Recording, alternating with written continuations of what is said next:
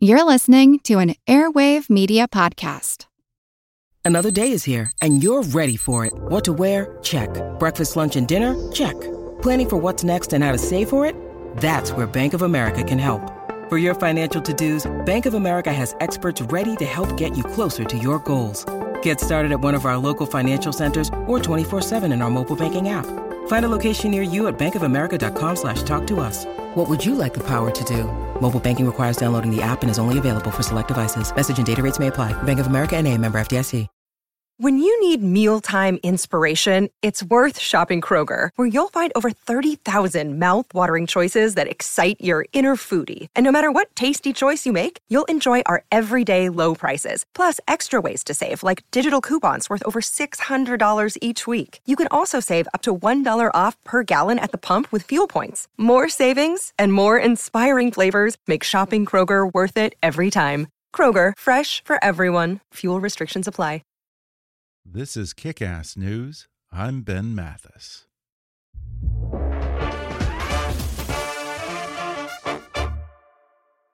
Millions of years ago, incredible forces ripped apart the Earth's crust, creating seven extraordinary continents. Now, a new series from the people who brought you Planet Earth and Blue Planet will reveal how each continent has shaped the unique animal life found there, but also feature the many challenges faced by animals in a modern world dominated by humans. Presented by legendary naturalist Sir David Attenborough, Seven Worlds, One Planet is a seven part television event that marks the first time that BBC Studios' Emmy winning Natural History Unit has explored all of the planet's continents in a single series. Seven Worlds, One Planet premieres Saturday, January 18th and today, I'm joined by the remarkably talented and adventurous documentarians who filmed this monumental series executive producer Jonny Keeling and producers Emma Napper and Chadden Hunter. We'll discuss how BBC documentaries have turned nature programming into global television events, the logistics of filming on seven different continents at once, and how their first episode is hoping to raise awareness and support for fire relief efforts in Australia. They talk about some North American polar bears who have found a surprising way to adapt to climate change, how agriculture is threatening over 2,000 endangered species in South America, and how Pacific fishermen, who had nearly driven the whale shark extinct, are now finding ways to help this magnificent creature thrive again. Plus, snakes, scary kangaroos, the real Tasmanian devil, and a monkey that looks like Don King. Coming up with the team from BBC's Seven Worlds, One Planet in just a moment.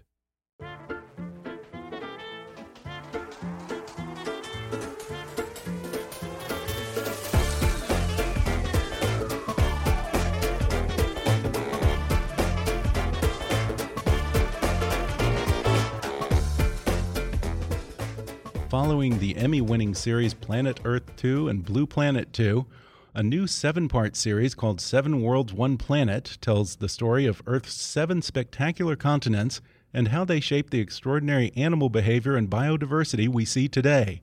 Seven Worlds, One Planet airs on Saturday, January 18th at 9 p.m. Eastern and Pacific on BBC America, AMC, IFC, and Sundance TV. And today I'm talking with the executive producer, Jonny Keeling, Chadden Hunter, who produces the episodes covering North America and South America, and Emma Napper, who produced the Asia and Australia episodes. Guys, thanks for joining me. Hi, Thank you. Thanks. Well, this was just a fantastic show. And uh, I mean, some of the footage that you captured just blew me away. You know, I always loved nature films, but it's just amazing to me that in my lifetime, nature documentaries have gone from airing on public broadcasting with fairly small audiences and minimal fanfare to having entire networks dedicated to them now. And these programs like Planet Earth and Seven Continents that are these, these huge, huge global TV events attracting massive, massive numbers of people. Uh, John, what would you attribute this explosion in the popularity of nature documentaries to? Well, I, I worked on Planet Earth 1 and Planet Earth 2, and they were that was sort of the beginning of it really. Felt like it started to get really popular then. Um, I think part of it is to do with social media that people start talking to each other um, Mhm. about uh, you know what, what's been what's going on, and so that kind of helps. I think that a lot of people now live in the city. I think it's more than 50% of people live in urban areas, and I think they really want to connect with the natural world, and these sorts of films help them to do that. And so there's a fascination with with uh, wildlife and and, and nature. So I think those are a couple of the reasons why why these programs you know do well. Yeah. Now, Planet Earth and Blue Planet took a very macro look at our world. What was appealing about being able to take the time to explore each continent one episode at a time? What I really like about it, what I love about it actually, is um, that each each episode is a continent, and that gives you amazing variety. So you know, before on Planet Earth One, Planet Earth Two, we we, we covered habitats, so it might be mountains or jungles, and mm. so it's quite sort of singular in that. But this, you know, the, imagine the variety you get in the North America episode alone. You know, you'd have yeah. mountains and polar regions, you might have deserts and forests, and even coastline and stuff. So that's amazing variety. We all come from from a continent as well, so it's not an abstract thing. You know, if you're talking about a desert, it's sort of it might not mean much to you if you're not coming from you don't live in a desert you weren't born in a desert but everyone comes from a continent. So it should you know the audience should really relate to that. Yeah. that's what i like about it. We can talk about real places and real locations and i love that about the series. And i believe that this marks the first time that bbc studios natural history unit has explored all of the planet's continents in one single series. Uh, what kind of logistics go into making a series of this scope um, I mean, it's huge. We have it's four years in the making. Uh, we have a team in in Bristol in the UK of maybe 25 people approximately, and then we work around the world with uh, 1,500 people. And we did more than 90 expeditions. I think it was 91 expeditions to 41 countries. Wow. And we shot uh, 2,260 hours of footage over about 1,800 days. So that's it is a huge, huge undertaking with a really brilliant team of people, both in, like I say, in Bristol, but also we work really closely with scientists and field workers, and yeah, just people from all around the world. It's a big, big undertaking. Yeah, that's extraordinary. And I understand that in response to the fires in Australia, the network has actually decided to shift around the release schedule and open with Australia for the first episode. Are you hoping that you can put more attention on Australia's plight and maybe even inspire viewers to support the relief efforts? Yeah, definitely. I mean, I, I think I mean, across the series, we hope people fall in love with each of the continents and they're surprised and astonished and sort of celebrate the diversity of each of the continents. But particularly Australia at the moment, I mean, it's you know it's a really um, catastrophic situation. Mm. So we hope that people love the wildlife there and um, and uh, are moved to do something. And Emma, you produced the Australia episode as well as the Asia episode. What's been most heartbreaking for you about watching the devastation over there? So the the episode itself um, doesn't include the the fires because they happen after we finish sure. filming. Um, but but to me, uh, watching those on TV, then I, I, I feel like everybody else does. What a what a horrible um, human loss! What horrible thing to happen to the wildlife. But but also uh, we filmed in quite a few of the locations which were affected by the fires. Oh, really? And like I said, the, they don't feature in the in the program, but uh, but we filmed. Um, a species of spider that hadn't been filmed before, uh, dingoes and kangaroos, uh, lo- lots yeah. of sort of um, filming first in these amazing locations. So um, I've just also kind of got a personal uh, personal sadness about seeing some of those uh, those locations um, uh, be affected by the fires. Mm-hmm. And obviously, hearing from people on the ground that we work with, who are who are like our friends now, to, you know, telling us uh, how they've been affected. And it's all the worse, I suppose, because apparently mammals in Australia are going extinct faster than anywhere else in the planet. Aside from the fires, what's threatening them? So, um, so I really wanted in the Australia episode to show the incredible diversity that is there. Um, it's it's really not like anywhere else on Earth. It's been isolated for so long. It's just a um, uh, you, you, just land there, and there's all sorts of strange creatures there. Um, but um, but they over the last sort of 200 years they've been affected by um, by uh, Europeans arriving in Australia and bringing with them lots of animals that shouldn't be there. Mm-hmm. Um, uh, so foxes and dogs, lots of lots of uh, animals from elsewhere in the world, and and guns. So there was a lot of hunting, and it means that all these incredible creatures have been squeezed into tiny little pockets. So we explore that in the program. Um, we show. Um, Tasmanian devils, which are a personal favourite of mine. Yeah. They are just they're just so charismatic, so sweet, and they used to be found everywhere, and now are in tiny little pockets. So, um, so that that's what we explored in in the episode. but the significance with the fires is that now, because of that, these animals are just in tiny pockets. So if we, uh, they're, they're just so vulnerable to that that final bit of habitat being lost. Yeah, I absolutely love the part uh, with the uh, Tasmanian devils. Uh, I, I, never knew how small they were. My wife was there uh, a couple of years ago, and she's only seen Tasmanian devils in Warner Brothers cartoons, so she was shocked yeah. how teeny tiny they are.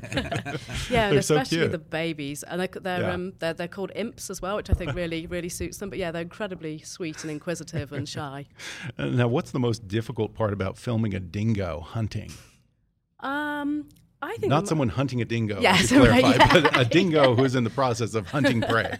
yeah. Okay, so people ask us a lot, how do we, you know, how do we film these sequences? How do we know where to go? And we are so thorough. We talk to scientists, um, and normally before we go out, we we, we, we're working with somebody who's seeing the animal every day. We know a lot about it, and the dingo was nothing like that. So um, I, was, I was desperate to film dingoes. They're such an iconic word associated with Australia. Right. And, the dingo ate you, baby. Yeah, exactly. But Which is a myth, right? yeah, right. There's never been an actual dingo attack on a baby, right? but they. Um, but but yet you, you look and there's very little um, footage of them in the wild. So I, I think I just got stuck in my head that I really wanted to do this. So so we we ended up talking to a lot of national parks and eventually found uh, this fantastic ranger called Benno, who said he'd been sitting drinking some beer and he'd seen a dingo. And I was like, okay, well, then let's let's go and try. And we we essentially sent a crew out for a few weeks at a time, then a few more weeks, a few more weeks, until eventually we we managed to start being able to track and follow this incredible female dingo who is just um, just one of the most uh, you know fantastic, strong uh, animals. Um, incredible hunter. Um, and Jonny, you actually you, yeah. you directed um, some of that sequence. You oh, really? Mm. Yeah, it, it's she, she's amazing. This dog. I mean, if you think of a sort of small or medium-sized dog. And she's running down the, the fastest, strongest animals in Australia, and she's chasing them over miles and miles and miles. I mean, it was just uh, yeah, it was amazing to see her tenacity and her strength, and um, and she's you know she's quite wily as well. But it was it, it was difficult because they're, living in a huge area, and we're trying to sort of spot you know one or two dogs kind of appearing. So we'd go days on end seeing nothing at all, and then suddenly she would reappear out of the woods, and you, then we'd be up trying to film her. You know, we had a drone, we had a camera on a helicopter as well. We had people in, in, in vehicles around trying to kind of spot her. So it was a big effort from from a team, uh, and uh, we ended up getting a sequence, like Emma said, which just hasn't been seen before. People haven't seen dingoes hunting kangaroos. It, it must take a remarkable amount of patience to do what you guys do. well, pe- people say that, and I sort of think it, the thing is, I, am so happy when I'm outside watching animals. Mm-hmm. It doesn't feel like a chore. It doesn't feel like patience to me. It just feels like a very mindful thing to do to sit and watch wildlife. Yeah. But yes, we do take a long period of time to, to film things because usually, you know, in the first week or two, you're trying to work things out. Like Emma was saying with the with the dingoes, well, you're trying to just work out what is that animal going to do, mm-hmm. and that's really exciting. As, as a biologist, we're all all three of us sat here, all kind of have PhDs in in zoology, so we're, you know, we we love watching animals, we love spending time with animals, but but it, it's sort of you spend a few weeks working out what's going on, and you know usually everyone says, "Oh, we managed to get it in the last week." There's a reason for that. It's because you've just about cracked what the animal's doing, and then you're able to film it. So you really? need you need the time in the field. It must be a very meditative when you have to actually wait for that shot. I mean, there are very few times in our lives these days when people have to wait. I yes. mean, we have to. We're all even when we're in the line at the DMV or something here in mm-hmm. America. We're on our phones or yeah. our iPads and stuff. Yeah, no, it's really true that yeah. it, to be in a place. Often we're in locations where your phone doesn't work anyway. Right. So you can just leave that, and actually, it's really lovely to be somewhere for you know a month and not have to be yeah. looking at your phone. And it's, it's it's focus. You have to get into the mindset of the animal. Each animal is different. To film it, you have to understand it. So it's mm-hmm. it takes that time, doesn't it, to focus and to and to spend time with the animal. And, and then once you've understood it, you can yeah, you can start having some success with filming it. Hopefully. Yeah, and one thing I know is that apparently Australia has more venomous creatures than anywhere else in the world. Uh, did you have to contend with any of that? Yeah, yes. I don't know. People people kind of calls? ask me like, is it was there a time when you got attacked by something? And and Australia doesn't feel like that to me. Like you're, mm-hmm. especially if you're filming something a little bit dangerous, that's what you're you're concentrating on that animal. But but it's just that the environment's booby trapped. So right. so if you if you walk through the forest, it's just stuff that will get you. You know, there's spiky plants and there's dangerous spiders, and um, you'll see in the the making of for the for the dingoes as well that walking through there, the crew came across sort of nearly trod on a brown snake, and yeah. one of the one of the the uh, ground director got uh, completely covered in some very nasty biting ants. Yeah. The, the, yeah, there was snakes and and um, ants. I think were the only kind of mild sort of irritation in, in that location. But actually, ge- generally, um, I think animals are more afraid of us than than Sure. anything. So they usually move Sure. out the way. Um, Sure. I mean, but Australia just seems like one big death trap to me, which which is why it's interesting to hear that, that there are more mammals that going extinct there than there are anywhere else in the world. Because I, I, I think of us humans going there and us being the prey. and I'm not so much worried about snakes and that kind of thing. But I'll tell you something. Kangaroos terrify me. Everyone thinks that they're so cute, and there's old footage of people boxing with kangaroos and all this stupid stuff. But you know what? I've seen footage of kangaroos. They're terrifying. They- I mean, I've seen kangaroos with six packs that no human I've ever seen has, and those claws. My God! And so some of them are like seven foot tall. I mean, I would not want to run into a kangaroo in the wild. Probably more than anything. to me, well, it's not terrifying. Uh, most of that episode has so, uh, hopefully loads of animals you haven't seen before that you didn't know existed. But the kangaroo is one I think that most people know exists. But to, but it's really funny for me. Like you've got it in kids' books, but then you, you go to Australia and you see it in real life, and you're just like, that is just not real. I mean, it's just what a what a crazy Yeah. you know what a what a crazy animal. But they're very cool. They're what very I like cool. about this series is we uh, Emma managed to film them in the snow as well. So there's, there's, there's lovely surprises in every episode. Lots Not a of lot of surprises. snow in Australia. No, and not very much snow. And yet uh, Emma's got a lovely sequence in her program of of wombats and kangaroos living in the snowy mountains, which again just surprises everyone. We're going to take a quick break, and then I'll be back with more when we come back in just a minute.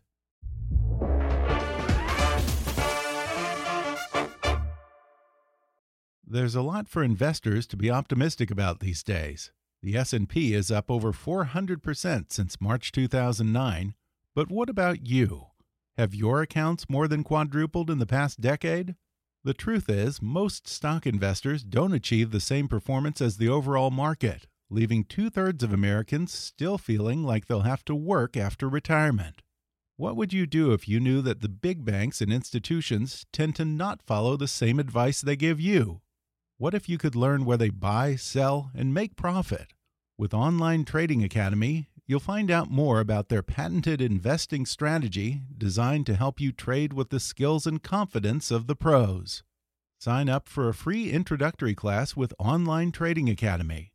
Visit otatrade.com/majority for two free tickets to a class in your area and get a professional insider's kit just for attending.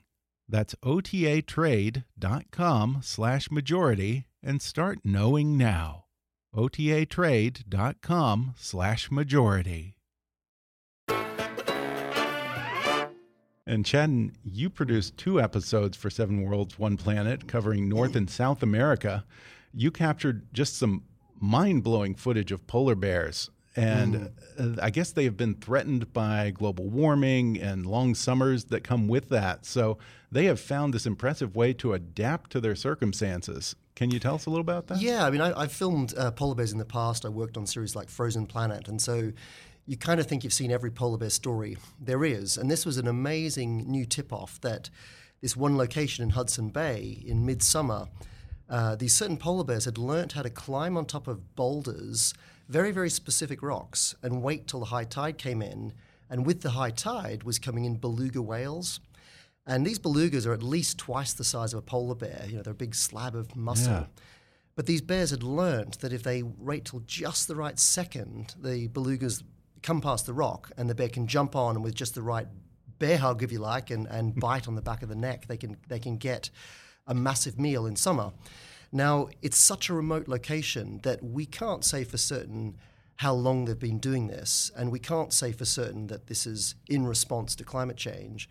What we, what we can talk about in the film is is this an example of the kind of adaptation that polar bears might have to mm-hmm. get more used to as summers get longer? We do know that Canada is the fastest warming country on the planet.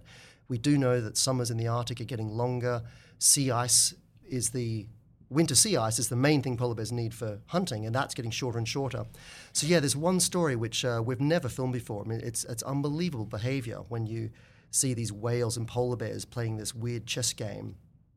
Felt very new to us, and and it might be the kind of thing that that will keep some polar bears alive.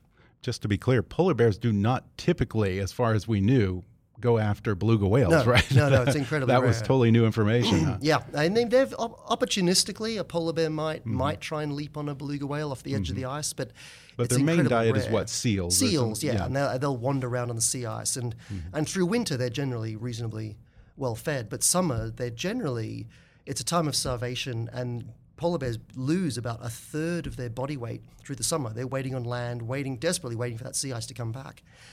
But when you saw this one group of bears, when we first came across them and noticed how sleek and fat they were, we thought, oh wow, these guys are onto something. You know, we, we knew they had some trick up their sleeve. And what it's interesting watching the bears learn from each other. They're very, very cunning. Bears are opportunists and they're looking for new opportunities. So to watch these bears watch each other get on these rocks and learn which rocks work, which rocks don't work, it, it was fascinating to watch an animal use its intelligence and its learning ability to uh, to I guess you know crack the code if you like. Your team also got some incredible footage of tornadoes in the American prairie. Tornadoes are notoriously unpredictable. How Mm. dangerous was that? Well, we a lot of that footage came from a, a- a lot of different sources, and there are some really dedicated storm chasers that, Yeah. that put themselves on the front line. We knew that we wanted to capture big weather in North America. It really defines the continent. When we're looking at each continent, we wanted things that characterize that landmass um, to really give it a- a feel. And we knew that North America has the most dynamic change of the seasons anywhere. I mean, the heat of your summers and and the depth of the snow in the winter, the beautiful autumn colors. It really was a. It needed to be a seasonal story, mm-hmm. and big weather was something that really felt North American to me. So we knew we had to make it part of the fabric of that film. And tornadoes are spectacular. They're terrifying, but the footage is is absolutely mesmerizing. And so that was something that we knew to tell that that unique weather system in North America. You get mini tornadoes other places, but nothing like Tornado Yeah. Alley in the Midwest. So it had to be an iconic uh, feature of the film. Yeah, here in the States, we have some version just about everywhere of a saying that goes if you don't like the weather, either wait five minutes or drive five miles. Yeah, yeah. Uh, How does that weather diversity affect the biodiversity in these areas? Yeah, well, we were um, we were always looking for stories that that linked back to our themes on the continent, and when we were mm-hmm. looking at extreme weather and seasonality in North America, we came across a kind of a theme that that really was to do with pioneering animals. It was mm. there's a it it, it fits a, a really lovely, I guess. American human narrative as well about pioneers r- really exploring this country. And so many of the stories are of animals really pushed to the extreme. It's whether bears have gone right to the coast and even beyond that, at low tides they're, they're fishing, or it might be that manatees uh, have extreme winter cold snaps which can kill them. And these manatees are having to, to, to find their way through waterways in Florida, hundreds of miles to find hot springs just to survive. So across all those stories in North America, there was a real pioneering spirit theme that came through. Was animals really going that extra length. Lynx in Canada pushed further north than any other cat in the world. So it really, yeah, it, it, it fitted that there's a lot of really heroic characters, um, I think, that came through in the North America episode. And in the episode on South America, which you produced, I was completely shocked to learn that I guess 2,000 species in South America are under threat. And you have this amazing satellite footage that illustrates the rate at which farms are encroaching on mm-hmm. forest lands. It was just astonishing with the explosion of agriculture in that region and the prosperity that comes along with that. Is there much will among the people there to slow that down? Yeah, we in each episode we didn't want to shy away from from the the issues facing the continent. So every mm-hmm. every episode in, in Seven Worlds has a conservation story. And in South America, it felt like deforestation was probably the biggest single issue there. So we, we didn't want to shy away from it, and it is horrific, the, the imagery. But we did find stories of, of locals defending wildlife. There's a there's a wonderful little monkey called the cotton top tamarin. He's got hair like Don King. It's like something you've never seen before. It- Yeah, it looks like Beethoven or Yeah, these wonderful, huge Yeah. white shocks of hair on their head. And they only live in this tiny pocket of forest in Colombia. There's, the, there's the, a tiny remaining number of them. But the locals there have defended them and defended them and stopped the encroachment of farms. And, and those monkey groups, are, they're stable right now. Down, they're one of the rarest monkeys in the world. But working with those locals in Colombia was a really heartwarming experience. And we made some extra clips about them, some extra some extra behind the scenes films because we needed to tell these stories about conservationists on the front line. You know, everywhere we went, and each one of these continents, there's amazing locals doing amazing things, and so. Yeah, we, we, we're not shying away from the from the big issues, but there are there are some hopeful stories out there. And I, th- I think that's in, in every episode as well. There are mm-hmm. some stories, as Chadden says, of anim- animals being challenged and the issues, and some some quite sad and despairing stories. But we also have really good stories of hope, like Chadden says, across and that's across each episode. There's there's stories where I mean, Emma, you have one in, in Asia of, of whale sharks, don't you? Yeah, so we Yeah. Uh, yeah we, we filmed a, um, a relationship between uh, whale sharks and the fishermen that um, that work in the uh, waters off Southeast Asia, and um, sharks uh, have been hunted, uh, many to the brink of extinction, including the whale shark. But there's but but now um, there's been a, a protection on them. So um, so instead of instead of hunting the sharks. Um, People are are feeding them and getting a lot of Yeah. joy out of that relationship. Right. Fishermen, too. Yeah, absolutely, Yeah. fishermen. Yeah, and it's and it's uh, uh, to me that's quite hopeful because um, we we can all. Uh, we can all make changes like that, and, and I think we, uh, I, I really hoped as well when we highlight the problems the natural world's going through. Um, you ask, can the people there do anything? And obviously, we're all responsible for our own continents, but a lot of these are global problems. So you can also think, how can how can my behaviour, Yeah. um, how can I do something a bit better to help forests around the world Yeah. or, or fishing around the world? And Asia is another place that has experienced explosive growth and an insatiable hunger for natural resources. Uh, how is that impacting the animal population there? Uh, the the um, the loss of forest in Asia is having a huge impact on on wildlife. So we were we were lucky enough to film um, uh, an animal called the Sumatran rhino there, um, and there are.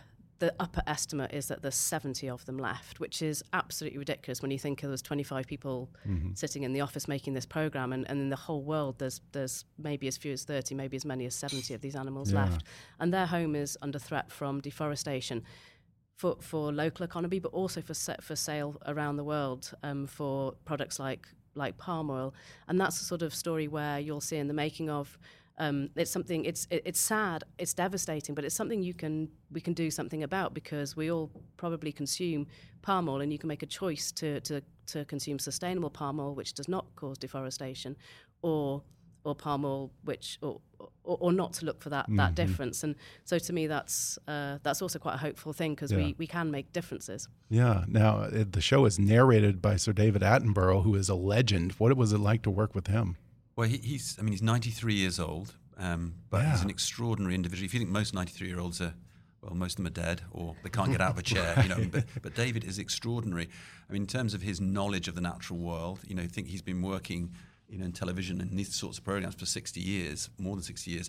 So he's got amazing knowledge, but also just when he comes to narrate something, I mean, his, his voice and his vocal range is unparalleled, really. There's no mm. one who can you know, on in one sentence talk about something that's maybe playful and funny, the next sentence something that's poignant and then awe-inspiring, and then give gravitas to something else. That range is absolutely extraordinary. Yeah. He has so much enthusiasm and so much love for the natural world, and that really really comes through. I think in Yeah. the in the series, it's just yeah, Definitely. yeah. Yeah, Definitely. he has a sort of boyish enthusiasm still, even at 93.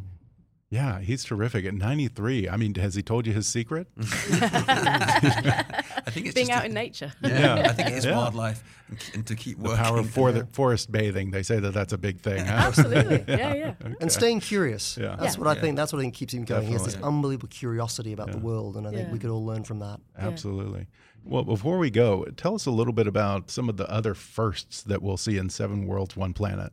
Well, we've, we've got n- new species. So the spider, which is in um, the Australia episode, was was only discovered in 2014. It's a brand new species, so that's n- nice new behaviour. Again, in Australia, the the dingoes hunting the kangaroos new. There's something new in every single episode. I'm trying to think. There's, uh, I mean, sometimes it's it's a new species. Sometimes it's just new behaviour that hasn't been captured before. Maybe you guys can give examples from your Yeah, we, well, we, we found a poison dart frog in the Amazon, which is has a fantastic story where the dad has to the dad frog has to carry individual tadpoles through the forest and deposit them in a little pocket of water in the leaf, leaves to keep them safe. And he has to remember where he left each one of his tadpoles, but he can't feed them, so he has to go and call his partner, the mother. And he leads her through the forest to try and find the tadpoles, remembering where he put them. And then she can lay an unfertilized egg into a little pocket of water to feed them. And so this, you're looking at this beautiful orange and black poison dart frog, which is no bigger than your thumbnail. And to think that it's going through this incredible partnership, this, this real parenting story of mother and father working together uh, to look after tadpoles scattered through the forest. That was something that was fascinating for us, a new story. Yeah.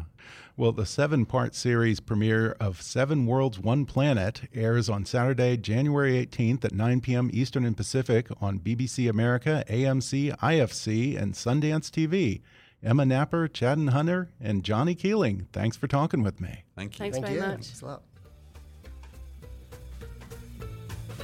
Thanks again to Jonny, Emma, and Chadden for coming on the show. Once again, the seven part series premiere of Seven Worlds, One Planet airs on Saturday, January 18th at 9 p.m. Eastern and Pacific on BBC America, AMC, IFC, and Sundance TV. For more information, visit bbcamerica.com. If you enjoyed today's podcast, be sure to subscribe to us on Apple Podcasts and rate and review us while you're there. Five star ratings and detailed reviews are one of the best ways for new listeners to discover the show. You can also follow us on Facebook or on Twitter at, at KickassNewsPod and recommend us to your friends on your social media. For more fun stuff, visit kickassnews.com, and I welcome your comments, questions, and suggestions at comments at kickassnews.com. For now, I'm Ben Mathis, and thanks for listening to Kickass News.